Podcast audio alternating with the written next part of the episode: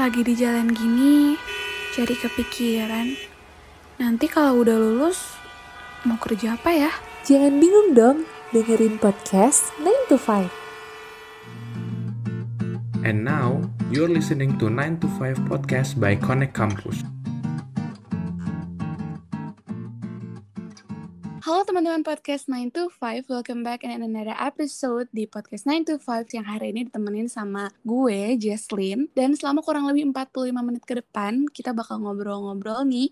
Dan kalian bakal dengerin perbincangan gue yang tentunya ya, bukan podcast 9 to 5 namanya kalau podcasternya cuma sendiri. Karena pasti bakal ditemenin sama speaker yang bakal ngasih kalian insight baru nih tentang dunia professionalism.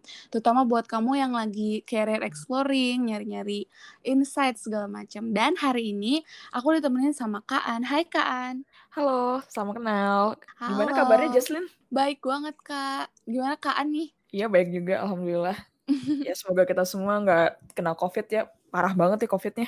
Betul, betul banget nih. Jadi waktu kita lagi record gini, uh, COVID tuh lagi naik banget nih teman-teman. Jadi mungkin sedikit reminder kali ya kak buat teman-teman yang lagi dengerin episode hari ini. Jangan ke mana-mana ya guys kalau nggak ada kerjaan uh, yang penting-penting banget di luar nih. Karena Kaan juga sekarang lagi working from home juga ya kak karena COVID yang lagi naik ini. Iya, working from Hmm. home. Hmm. Jadi itu tadi tuh sebelum record sebenarnya aku udah sempet ngobrol-ngobrol nih guys tentang working from home ini ngomongin tentang COVID yang bikin semuanya jadi serba online. Tapi untungnya sekarang orang kayaknya udah nggak ada yang nggak pakai handphone kali ya kak. Jadi Mm-mm. udah cepet buat adjust nih sama hal yang online gini. Kalau kak Ani sendiri kesibukannya lagi apa aja nih kak?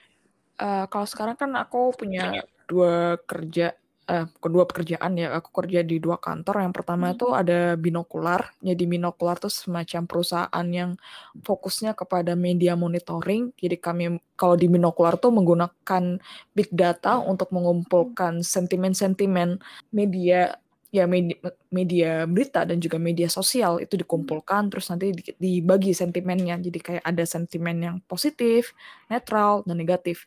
Nah, itu itu yang di binokular. Kalau di binokular posisi aku sebagai social media officer dan penulis dan writer. Jadi aku kerja aku double di sana. Kalau yang di remote TV aku kerja part time sebagai penulis naskah audio visual remote TV.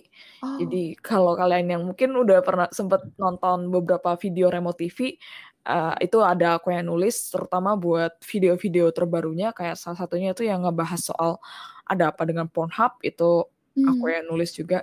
Terus nanti bakal ada video-video lainnya dari aku dan juga tim AV lainnya. Jadi kalau kalian tertarik dengan isu-isu media, subscribe YouTube-nya Remote TV.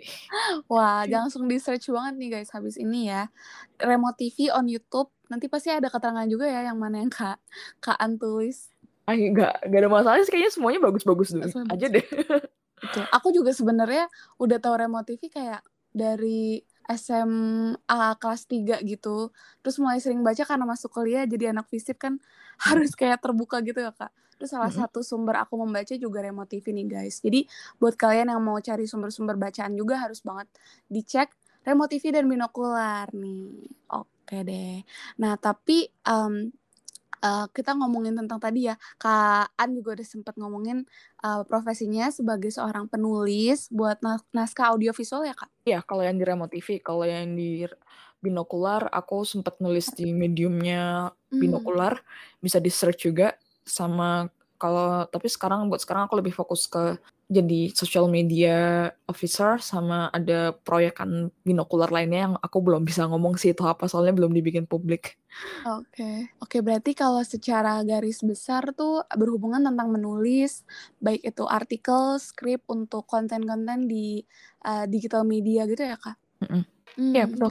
Lebih di digital media, tapi kalau yang di binokular kan lebih kayak eh, kalau aku dulu pas nulis eh, menganalisis fenomena-fenomena yang lagi rame di Hmm. masyarakat, terutama sih kalau yang buat mengetahui fenomena apa yang rame kan bis- bisa dilihat di Twitter kan kayak di situ kita bisa lihat apa aja sih yang lagi rame banget diomongin. Terus salah satu artikel yang aku tulis untuk binokular tuh ngebahas soal bagaimana eh, brand-brand besar Indonesia tuh menggeret uh, artis-artis K-pop buat jadi Oh, brand iya. ambassador-nya kayak gitu. Uh, uh, salah satu artikel yang paling banyak dibaca dari aku tuh tentang pas aku menulis analisis tentang susu Indomilk Banana yang habis ludes terjual dalam hitungan jam karena Jungkook Oh, BTS iya iya. minum itu. Iya.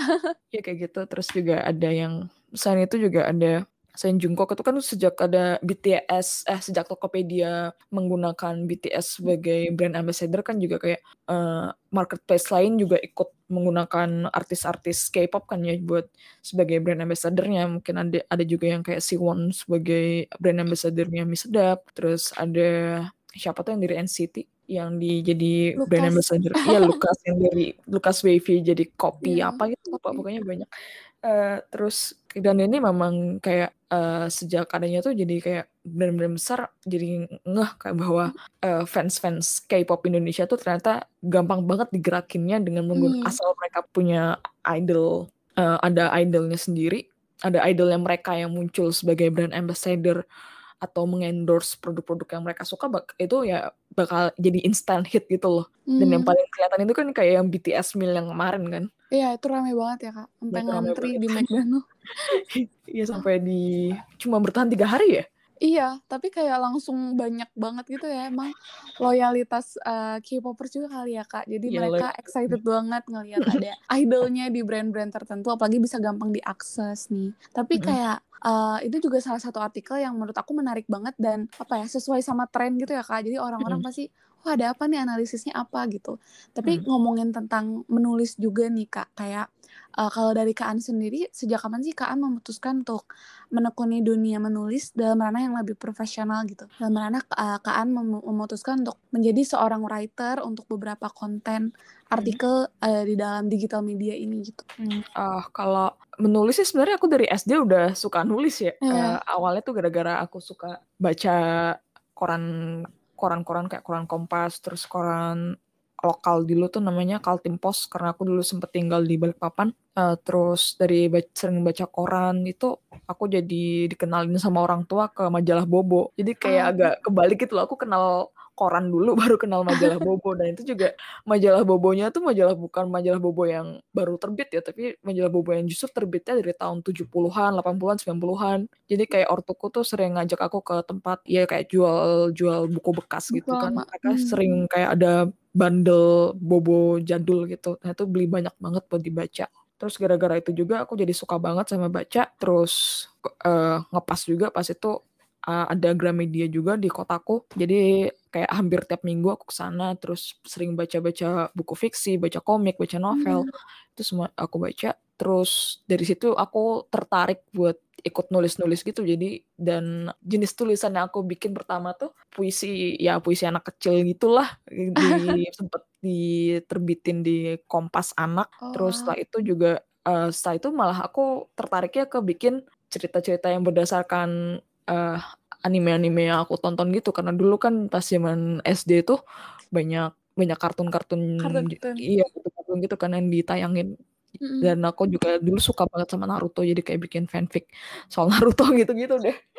Iya dan kayak kebiasaan baca itu kebawa sampai kuliah. Hmm. dan itu juga eh, salah satu alasan kenapa aku tertarik buat kuliah antropologi juga itu karena di SMA aku dapat mata pelajaran antropologi karena jurusanku bahasa. Ya dan dari situ jurusan bahasa kan apalagi di bahasa lu pasti banyak, bakal banyak banget dapat bahan bacaan yang menarik menarik gitu kan dan kayak hampir tiap hari juga harus belajar belajar bahasa harus belajar harus banyak baca artikel novel-novel jad novel-novel zaman dulu gitulah te- zaman kemerdekaan kayak kayak novel-novelnya Marah Rusli gitu. Nah, jadinya dari situ aku kuliah tertarik, tertarik buat ikut buat kuliah antropologi, akhirnya masuk antropologi UGM pas tahun 2015. Tapi buat secara profesionalnya aku tertarik nulis itu setelah aku setelah aku bikin Merah Muda Memudar sama teman-teman aku. Hmm. Kalau yang Merah Muda Memudar ini kayak kolektif feminis gitu yang dibuat sama aku sama teman-teman onlineku gitu deh. Eh di situ kalau kalau Merah Muda Memudar kan nah, dari situ aku juga dari dari sana aku belajar banyak hal soal feminisme, soal ilmu-ilmu uh, sosial, aktivisme juga aku belajar Hmm. dan selain itu juga aku belajar cara menulis yang baik dan benar, cara menulis yang lebih profesional dan pas Merah Muda Memudar masih aktif-aktifnya itu banyak uh, pembacanya bisa berapa ya? Mungkin ada kalau followers media sih seingatku lebih dari seribu. Terus buat pembaca satu artikel lumayan lah ada seribu dua ribu atau bahkan Oh, paling tinggi mungkin sepuluh ribu klik ya buat artikel kita tuh. Uh, habis itu aku dari situ aku kayak ngerasa oh iya ini kayaknya aku emang harus apa ya aku udah seneng banget nih nulis. Kayak sayang banget kalau nggak dipakai. Ilmu nulisnya ini nggak dipakai buat buat cari duit. Jadi dari situ ya Setuju, setuju ya jadi dari situ aku udah uh, mulai buka buka jasa menulis freelance. Uh, Hmm. bukan cuma jasa menulis sih jasa edit juga. Jasa menulis edit freelance. Terus uh, karena dapet uh, dapat kerjaan juga dari teman akhirnya sempat juga tuh kerja jadi freelance writer di sebuah website selama enam bulan terus juga dapat kerjaan juga sebagai social media officer part time di sebuah coworking space Jogja Oh. Terus freelance-nya berlanjut sampai sekarang dan karena aku udah punya porto yang lumayan lah ya selama kuliah. eh, kan aku ngepas banget nih lulusnya Februari 2020 sebulan sebelum corona masuk Indonesia. Oh, masih dapat uh, graduation offline berarti ya, Kak? nggak dapat Oh, nggak keburu ya? nggak keburu nggak keburu sama sekali kan nggak dapat sama sekali terus ya udah eh, karena ya aku ketolong juga sih sama portoku pas kuliah itu udah ada Hmm. jadinya eh, cuma tiga bulan nganggur dapat terus dapat kerjaan di binokular terus dapat kerjaan part time juga di Remo TV sebagai dulu sebagai penulis mediapedia gitu jadi kayak nulis artikel yang menjelaskan fenomena media yang ada Hmm. sekarang kayak gitu sih Oke, berarti uh, berawal dari hobi ya Kak bisa dibilang. Berawal Iya. dari hobi dan ditekunin sampai akhirnya jadi kalau bisa aku bilang passion buat Kak An juga gitu sampai akhirnya uh, ber- memutuskan untuk menekuninya secara lebih profesional. Terus salah satu hal yang menarik juga nih Kak kan dari pengalamannya Kak An awal Mm-mm. baca itu di koran gitu kan, baca-baca artikel di Bobo juga gitu. Tapi sekarang nih di tengah dunia yang udah makin digital, teknologi bertumbuh gitu. Jadi kayak posisinya sekarang Kak An yang bikin tulisan untuk dibaca orang gitu. Dari yang awalnya dulu mungkin membaca tulisan orang tapi in form of uh, digital media gitu. Udah bukan udah bukan koran lagi ya Kak bisa dibilang. Sampai akhirnya tadi juga udah sempat Kak An jelasnya teman-teman uh, udah bekerja sebagai seorang social media officer dan menulis beberapa blog dan juga media platform lainnya gitu. Nah, sebagai uh, kesibukan Kaan sekarang nih dengan pekerjaan Kaan sebagai social media officer di Binokular dan juga writer di Remo TV, uh, keseharian Kaan uh, kalau working hour tuh kayak gimana sih kak? Eh, working hour ya kalau aku sih eh, karena WFH juga jadinya eh, kerjanya tuh bener-bener suka-suka banget lah jadi kayak biasanya aku bangun jam 8 atau jam 9 terus eh, ya udahlah mak- makan atau makan bisa antara masak sendiri atau pesen pesen GoFood gitu terus kayak terus ya kalau kalau sekarang kan terus kayak tiga bulan terakhir ini aku mulai nge-gym sih. Jadi kayak jam abis makan itu jam 9 sampai jam 10-an aku nge-gym olahraga jam 10 aku balik setengah sebelasan mulai kerja terus biasanya sampai jam 6 aku kerja jadi kayak kalau buat yang dan aku juga nggak ngasih jam-jam khusus oh ya ini buat remote TV oh ya ini buat binokular kecuali kalau Hmm. udah ada janji rapat sebelumnya gitu kan kayak aku sama anak-anak remote TV suka banyak koordinasi karena apa ya proses apalagi karena proses pembuatan video itu kan Oh ya, banyak langkahnya kan ya kayak betul. harus ada pemantauan terus juga pemantauannya ini maksudnya pemantauan media apa aja eh, pemantauan media apa aja mau diteliti terus nanti juga Hmm. ada pengumpulan lit- literatur terus bikin outline terus bikin naskahnya nanti kalau udah naskahnya udah kelar udah disetujuin sama produser baru lempar ke eh, videographer. Hmm. jadi kayak emang emang agak jadi sering koordinasi sih sebentar. Aku kalau yang di binokular eh, aku cenderung kerja sendiri karena memang kerjaanku kan cuma nulis. Kalau kerja tulisannya udah kelar ya nanti bakal aku lempar ke manajerku buat dicek. Terus nanti juga bakal diproses lagi sama timnya yang lain. Hmm. jadi nggak banyak koordinasi kecuali kalau ada kebutuhan tertentu gitu. Oke, berarti uh, bisa dibilang produksi konten juga ya kak dalam bentuk tulisan ataupun Mhm. audiovisual gitu pekerjaannya dengan tahap-tahap yang mengikutinya gitu ya kak. Iya iya kalau eee, emang tapi buat yang kayak alur kerja yang kayak gini kan memang tergantung juga sama kebutuhan perusahaannya ya. Eee, kalau yang di Remote TV kan karena aku kerjanya di di tim AV, audiovisual, jadi jelas bahwa ada tahapan-tahapan kerja yang harus aku lewatin sebagai penulis. Ada kan dan juga dan menulis pun tuh nggak cuma sebuah kerj jadi kalau apalagi kalau kamu bekerja sebagai penulis naskah ya terutama, menulis pun itu bukan sebuah pekerjaan yang individual, tapi justru adalah Mmm. sebuah kerja teamwork, kerja butuh banyak koordinasi dengan banyak orang. Kamu juga pas dari bahkan dari awal sebelum menulis pun aja udah ada koordinasi, udah ada brainstorming. Jadi Mmm. kayak satu tim itu yang me-brainstorm, "Iya kita maunya bikin apa nih? Ide-ide apa aja yang bisa muncul di kepala pas lagi brainstorm." Terus kita eliminasi ide-ide mana aja yang bisa di yang bisa viable buat dilakuin. Ya terus setelah ide udah dapat ide yang pas buat kita lakuin, ya nanti kita cari lagi pemantauannya kayak gimana, literaturnya apa aja yang bisa dipakai.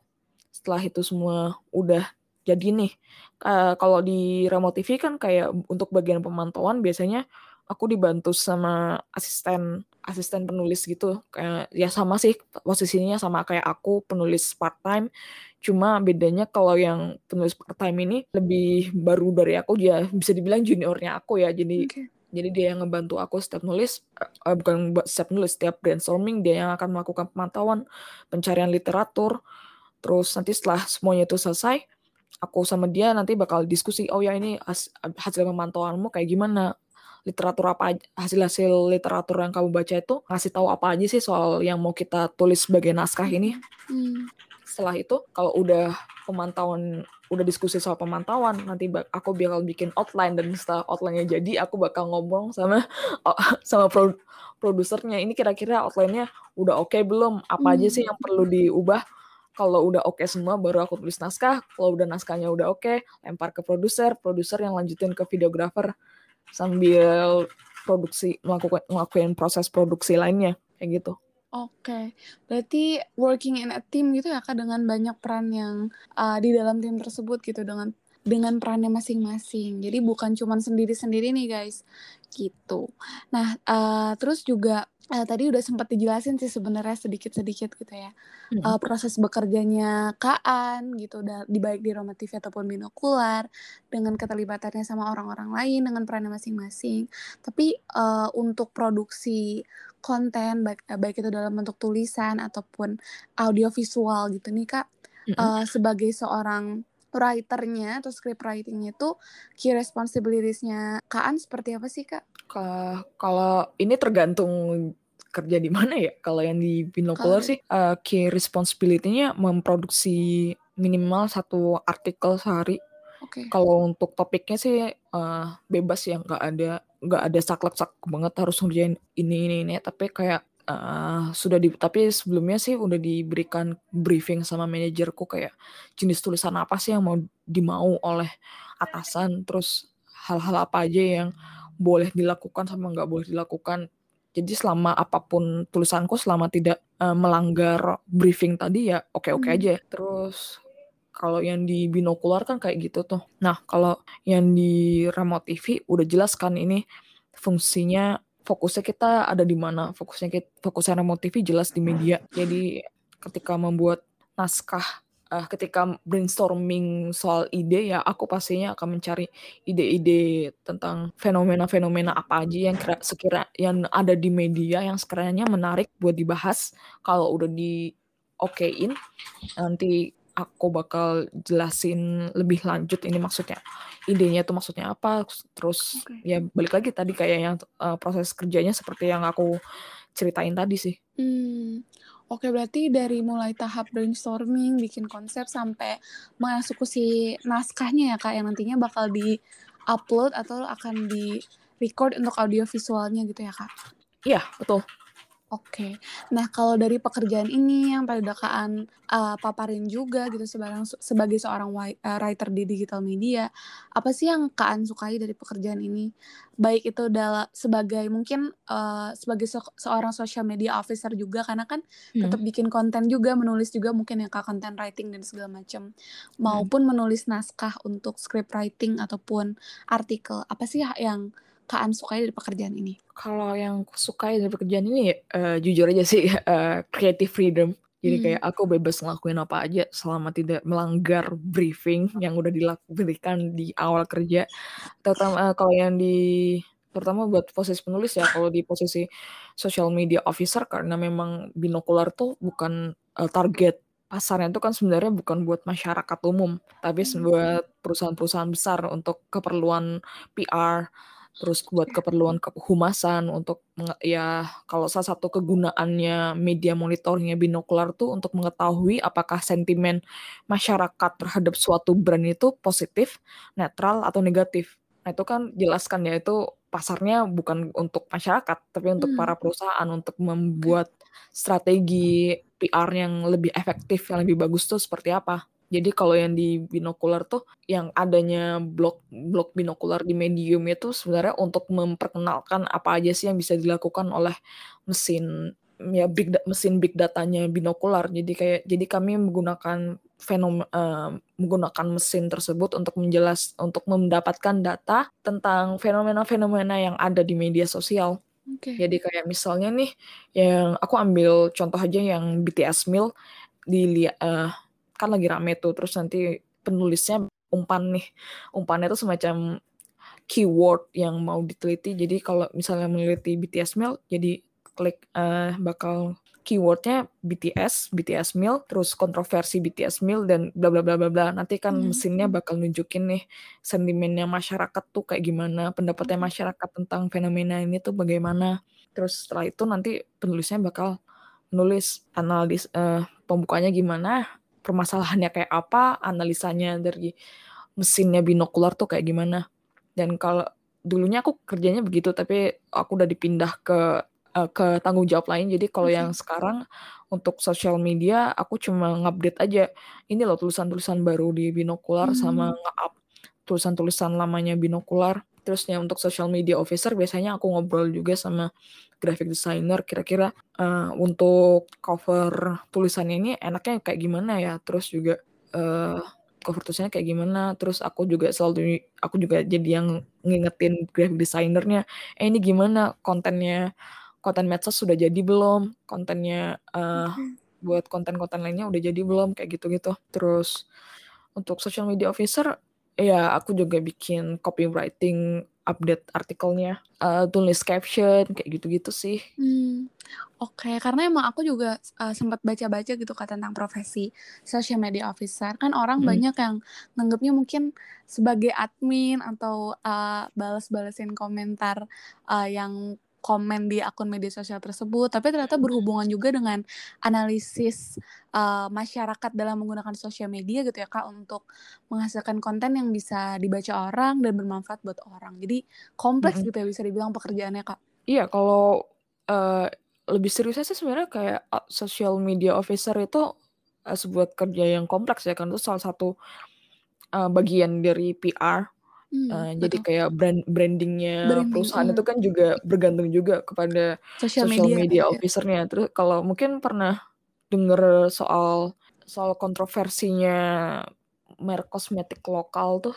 Oh, yang, uh, sosial medianya balasnya kurang Iya, yang social gitu media officer-nya balas balasnya jutak banget gitu loh. Itu kan hmm, hmm. itu kan jadi cuma karena gara-gara itu aja sentimen masyarakat terhadap produk itu kan jadi jelek ya. Betul. Makanya, uh, hal-hal kayak gini nih sebenarnya nggak boleh, apa ya, kita tuh sebenarnya nggak boleh meremehkan social media officer sebenarnya karena kalau yang seri lebih seriusnya lagi kalau aku kan kayak social media officer lebih kayak sambilan ya, cuma kalau mau lebih seriusnya lagi apalagi yang akunnya gede gitu, yang udah benar-benar gede apa buat brand-brand ternama kayak, uh, McD, KFC, dan lain-lain itu, uh, mereka sampai bikin uh, kalender konten tuh ngomonginnya apa aja, terus shopnya penggambar uh, shop copywritingnya kayak apa, membalas ko komentarnya yang harusnya itu yang baik itu seperti apa, bahkan juga mereka uh, berhubungan juga dengan para graphic designer bahkan mereka uh, graphic designer terus uh, berhubungan dengan content writer atau bahkan mereka sendiri yang melakukan itu semua. Jadi mereka content writing juga iya graphic designing juga iya. Copywriting juga iya. Ya copywriting juga iya semuanya. Betul betul.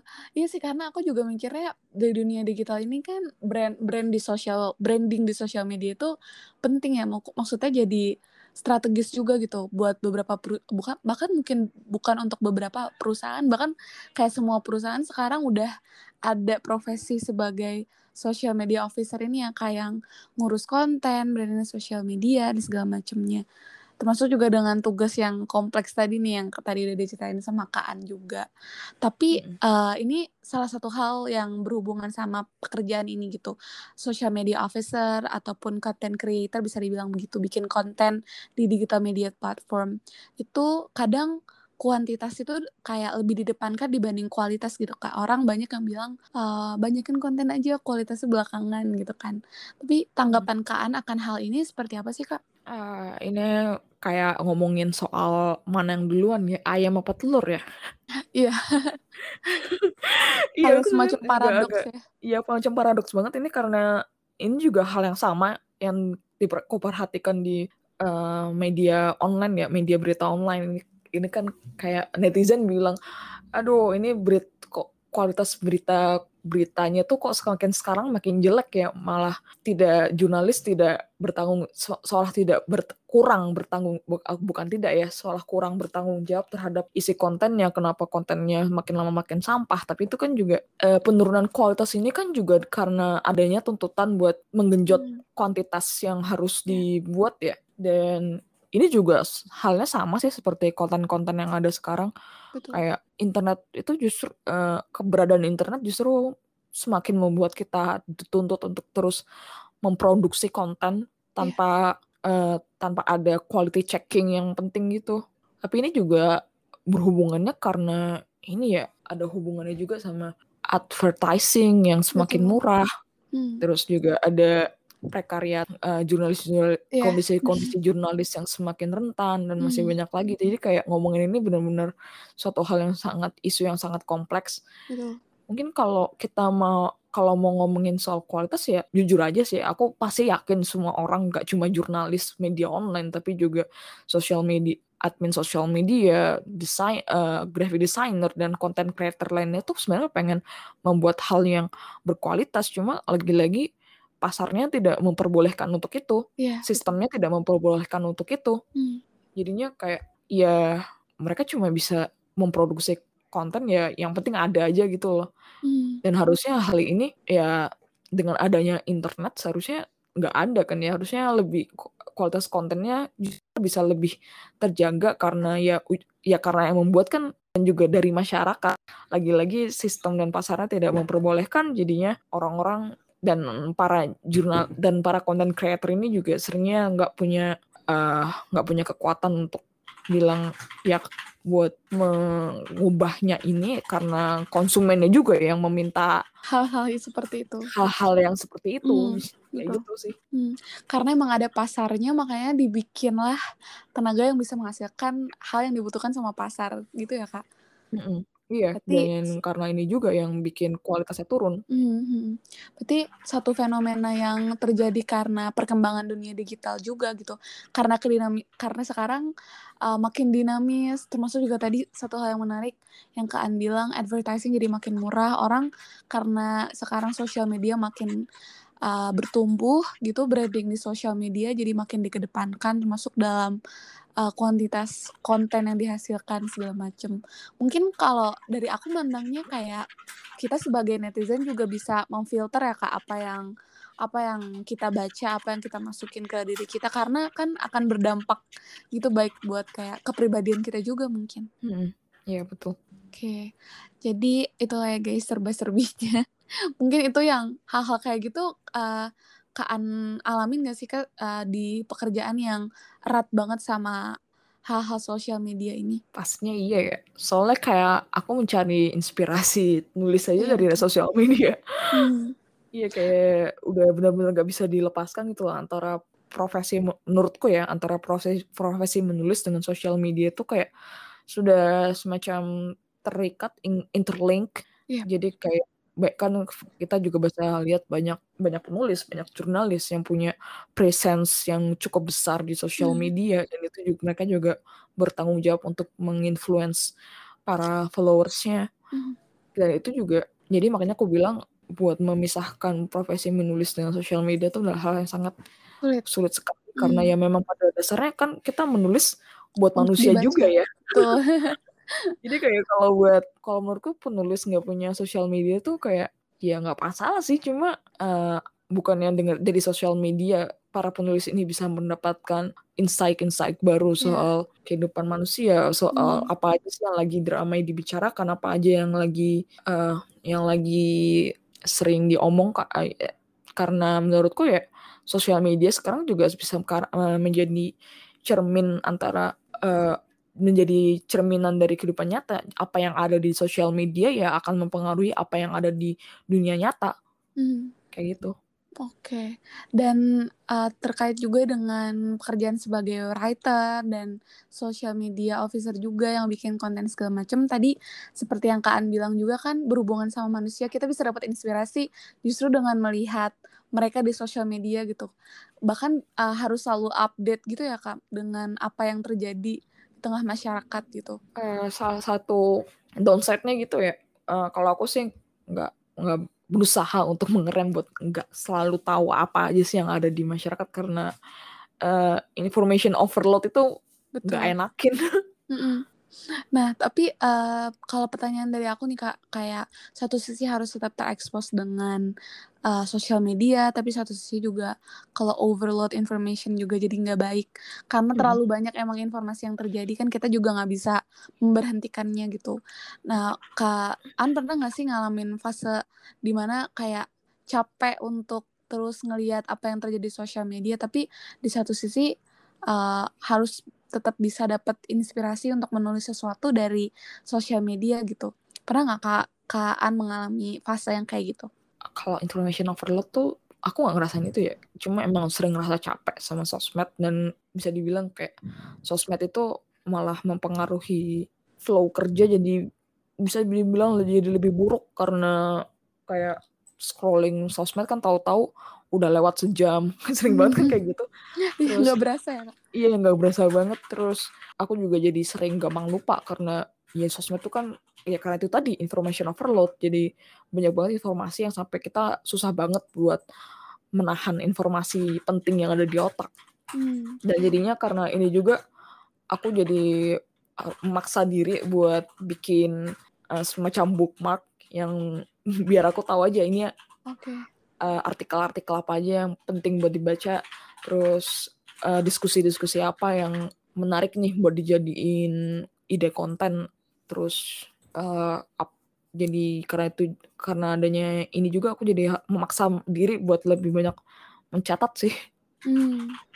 Oke, okay. berarti memfilter juga ya kak jatuhnya mm-hmm. untuk bisa tetap profesional karena kan kalau udah di dalam dunia pekerjaan kita nggak bisa berhenti semau kita gitu ya kak walaupun kadang lagi capek atau apa mungkin beberapa hal harus disingkirkan gitu mungkin jadi note juga nih untuk teman-teman podcast 9 to 5 yang pengen bekerja di digital media sebagai seorang content writing writer ataupun social media officer di walaupun terekspos dengan social media there's always something that we can do gitu ya kak untuk bisa tetap profesional gitu Iya. Yeah. Oke, okay. nah terus juga terkait dengan uh, creative production gitu, memproduksi konten-konten yang tadi juga udah sempet Kaan uh, sebutin kayak di dalam kayak kebebasan untuk Kaan bisa memproduksi sesuatu secara kreatif.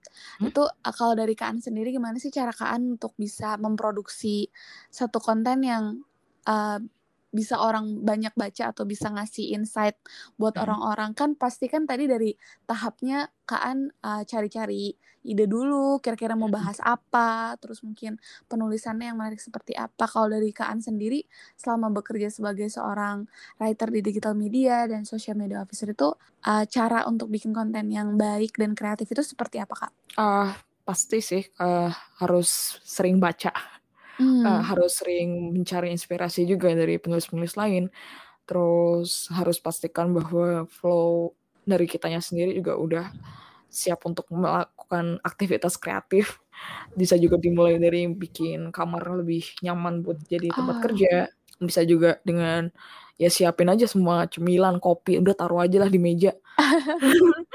Jadi kalau mau lapar kayak mau ngemil ya ma- langsung aja ambil aja di meja. Karena menurutku sebagai penulis emang paling penting itu untuk menjaga agar tetap bisa fokus dan juga jangan sampai sakit. Ini salah Hmm. satu penyakitnya anak-anak pekerja kreatif ya, Oh. mah GERD. Oh, suka miss mak dia makan ya kak? Iya, karena sering eh, sering lupa makan, lup- ma- makannya sembarangan. Jadi kayak kalau kalian punya Hmm. waktu, ya sebisa mungkin coba masak sendiri lah. Tapi kalau nggak bisa ya nggak apa-apa sih. Yang penting stok snack yang ada banyak karbohidratnya, air harus selalu ada, jangan sering minum kopi, Hmm. tidur juga pastiin jangan kurang dari 6 jam karena aku ngerasain banget kurang tidur tuh bener-bener ngacauin flow kerja apalagi kalau kalian yang kerjanya di kreatif yang di mana kalian bener-bener butuh eh, energi dan istirahat yang cukup dan juga jangan lupa olahraga karena sakit karena kelamaan duduk itu nggak enak Aku ngalamin banget sih kak selama selama Iya. online ngelihat laptop mulu tuh jadi aduh pegel banget gitu. Duduk mulu 24 per 7. Iya makanya kayak kali pokoknya pastiin kondisi kalian prima, jangan lupa olahraga, makan yang benar. Kalau siap bikin kondisi kerja seenak mungkin eh, dan juga investasiin kursi yang ergonomis. Yang nyaman juga ya kak. Iya, ergonomis dan nyaman itu penting banget. Itu Hmm. investasi banget karena nggak lucu juga sih kayak aku ngerasain um, masa umur 24 udah sakit punggung bawah sih. Udah kayak jompo banget. Kayak ketahuan banget anak kreatifnya kak. Iya, udah deh bener-bener kayak ya udahlah udah sepaket banget. Jadi terus karena itu juga aku daftar gym, aku mulai rajin Hmm. olahraga. Habis itu juga jadi kayak lebih enakan dan aku juga hidupku jadi lebih teratur sih. Oke. Heeh. Justru jadi lebih enak pas Iya, lagi buat lebih kerjanya ya lebih kak. enak buat kerja, lebih bisa Hmm. fokus. Karena eh, pastiin aja sih, emang eh, aku jujur aja ya mikir bahwa work life balance is bullshit. Hmm. Tapi sebisa mungkin kalian harus mempraktekkan itu karena ya karena kalau memang bisa hidup kalian teratur tuh emang berasa banget di kerjaan kalian. Hmm. Apalagi kalau kalian yang kerjanya nulis depan laptop terus-terusan, nggak Iya, cuma betul. anak kreatif ya, bahkan kayak orang-orang yang kerja di bidang lain juga Kantoran. Hmm. kantoran itu juga bisa benefit banyak dari hidup hidup teratur. Karena juga aku juga sempat dengar banyak narasi kan kalau di kreatif industri tuh dunianya dinamis gitu kan. Mungkin yang digambar digambar uh, sama anak-anak seumuran aku gitu yang masih kuliah, oh orang-orang kreatif industri di sebagai sos- social media officer, content Hmm. writer tuh kalau ke kantor nggak harus pakai jas atau apa, pokoknya dunianya dinamis banget. Tapi justru Mm-mm. dari kedinamisan itu kayak kalau kita mau kerja di dalam bidang kreatif harus bisa nge-hold diri kita sendiri juga ya kak supaya pas kerja juga tetap maksimal jadinya. Iya, kalian harus punya hidup sebisa mungkin bikin jadwal yang teratur deh. Hmm. Iya, karena aku ngerasa banget kayak eh, efeknya dari hidup berantakan banget tidur jam 2, bangun jam 10, Iya. makan makan gak jelas terus aku mulai nata maksa ma- buat menata diri buat lebih teratur. Pokoknya tidur di bawah harus di, sebelum jam 12 udah harus tidur, jam 7 jam 8 udah bangun, habis itu olahraga, masak. Tuh benar-benar kerasa banget bedanya. Hmm. Apalagi kalau ngomongin tentang pekerjaan di kreatif juga, apalagi Hmm. bahkan menulis gitu kan, Mm-mm. mood kayaknya tuh penting banget ya kak. Kayak mood itu penting banget untuk bikin konten segala macem. Kalau kitanya lagi berantakan, pikirannya juga jadinya gak maksimal gitu yang kita hasilkan. Mm-mm, betul. Hmm. Jadi note juga nih untuk teman-teman podcast 9 to 5 yang juga tertarik sama kreatif industri, mungkin suka nulis juga kayak Kaan. Ini beberapa tipsnya harus di di note banget sih karena nanti begitu masuk ke dunia kerja wah terekspos sama banyak tugas tapi tetap harus bisa ngejaga istilahnya ngejaga diri sendiri walaupun again work life balance mungkin rada susah di direalisasikan ya Kak kalau in real life gitu. Hmm. Iya. Oke deh. Nah, mungkin ini pertanyaan terakhir nih Kak. Kalau dari Kak An sendiri, eh apa sih yang pengen Kak An sampaikan untuk teman-teman podcast 9 to 5 yang punya interest yang sama kayak Kak An mungkin menulis, uh, content making, uh, di dalam bidang audiovisual. Apa yang pengen Kak, sampa- uh, Kak An sampaikan untuk mereka uh, saat mereka pengen bekerja eh, di dalam bidang bekerja ini? di bidang kreatif ya. Eh, Mhm. Hal yang paling penting dari hal sebelum masuk ke industri kreatif adalah kalian harus punya porto dulu. Jadi Oke. kalau misalnya kalian suka menulis, ya udah banyakin nulis aja. Nggak perlu kok menulis di media gitu. Kalian nulis di tulisan di blog aja, asalkan dibuat dengan serius, dengan bagus, itu udah bisa masuk kok sebagai portofolio. Eh, terus kalian juga bisa ikut bergabung dengan komunitas menulis, bisa juga mungkin juga nulis-nulis di media-media online atau yang lainnya itu atau mungkin juga kalian bisa kalau udah kalian merasa mampu buat jadi freelance buat freelance ya lakuin aja freelance terus semuanya itu kalian harus kumpul eh, kalian kumpulin jadi satu jadi PD jadiin PDF terus nanti kalau kalian udah lulus terus mau apply kerja ya udah tinggal kirim aja Tunjukin portofolio. tunjukin aja portofolio Hmm. kamu sama CV kamu. Terus juga aku juga ngerasa promosiin pekerjaan kamu di LinkedIn itu juga sangat penting di buat kamu lakuin sebagai Hmm. untuk sebagai cara untuk membangun brand diri sendiri ya. Betul. Di Twitter juga bisa, di Instagram juga bisa. Terserah kamu. Pokoknya kamu harus bisa nggak harus ya, tapi lebih baik kalau kamu sudah mulai membangun brand diri sendiri, Hmm, brand profesional diri sendiri. Hmm. Tapi kalau aku sih buat brand profesional, ya aku cuma khususin di LinkedIn aja. Kalau yang di sosmed lain ya, ya udah eh, cuma penggunaan personal. Hmm, beda konteks gitu ya Ya Kak. beda konteks. Jadi kalau lebih baiknya sih kalian eh, isi aja LinkedIn yang sebaik-baiknya, terus minta teman saling rekomendasiin, Oh ya. kayak gitu-gitu. Hmm. Terus Bisa juga networking di situ. Hmm, itu a big issue juga Kak di tengah mahasiswa gitu lagi mainin LinkedIn, bikin porto di LinkedIn. Jadi buat Iya. teman-teman yang pengen bekerja di kreatif industri udah bisa dicicil nih dari sekarang bikin portofolio kalian, menulis dan tadi kayak kata Kak An juga nggak harus di platform-platform yang langsung gede gitu, tapi bisa dimulai mungkin dari Blogspot atau Mm-mm. Medium gitu ya Kak. Mm-mm. Iya, pokoknya perbanyak nulis, asah terus kemampuan penulisan kalian, belajar hal-hal yang ada di kepenulisan. Mungkin kalau bahkan le- lebih baik lagi kalau kalian bisa belajar soal SEO, eh, Hmm. Eh, apa sih, soal search marketing, atau mungkin bisa juga kalian nyari nyari-nyari ilmu dikit-dikit lah soal marketing kayak gimana, content writing yang untuk mempromosikan suatu produk tuh yang bener kayak gimana. Banyak-banyak networking juga di LinkedIn sering-sering nimbrung di postingan orang, promosiin aja karya-karya kalian, kayak gitu. Hmm, oke. So, di note ya teman-teman, udah bisa dicicil nih karirnya dari sekarang. Dan aku harap juga uh, episode kali ini perbincangan aku dan Kak An terkait dengan writing, uh, creative industry bisa ngasih kalian insight banyak dan pesan baru yang bisa berfungsi buat kalian juga nih ke depannya. Dan thank you so much untuk nemenin kita sampai kurang lebih mungkin 45 menit ya Kak. Mm-mm. Makasih banyak udah ngobrol-ngobrol sama aku dan Kak An. Semoga episode hari ini bisa bermanfaat buat kalian. Dan jangan lupa juga untuk nontonin episode podcast Night to Five yang lain. Dan share juga nih podcastnya episode bareng Kak An ini ke teman-teman kalian yang punya interest di dunia kreatif, writing. Karena aku yakin pasti bakal berfungsi banget buat kalian. Dan thank you so much untuk Kak An buat sharing-sharingnya Kak. Aku pribadi juga belajar banyak nih jadinya. Aduh, oh, oke, makasih juga ya udah ini ngundang ke podcastnya.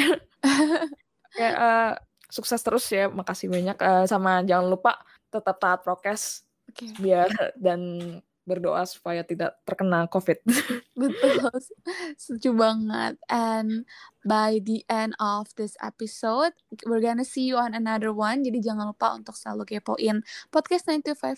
Dan kita akan ketemu lagi di next episode. Bye-bye. Bye-bye. Thank you, thank you.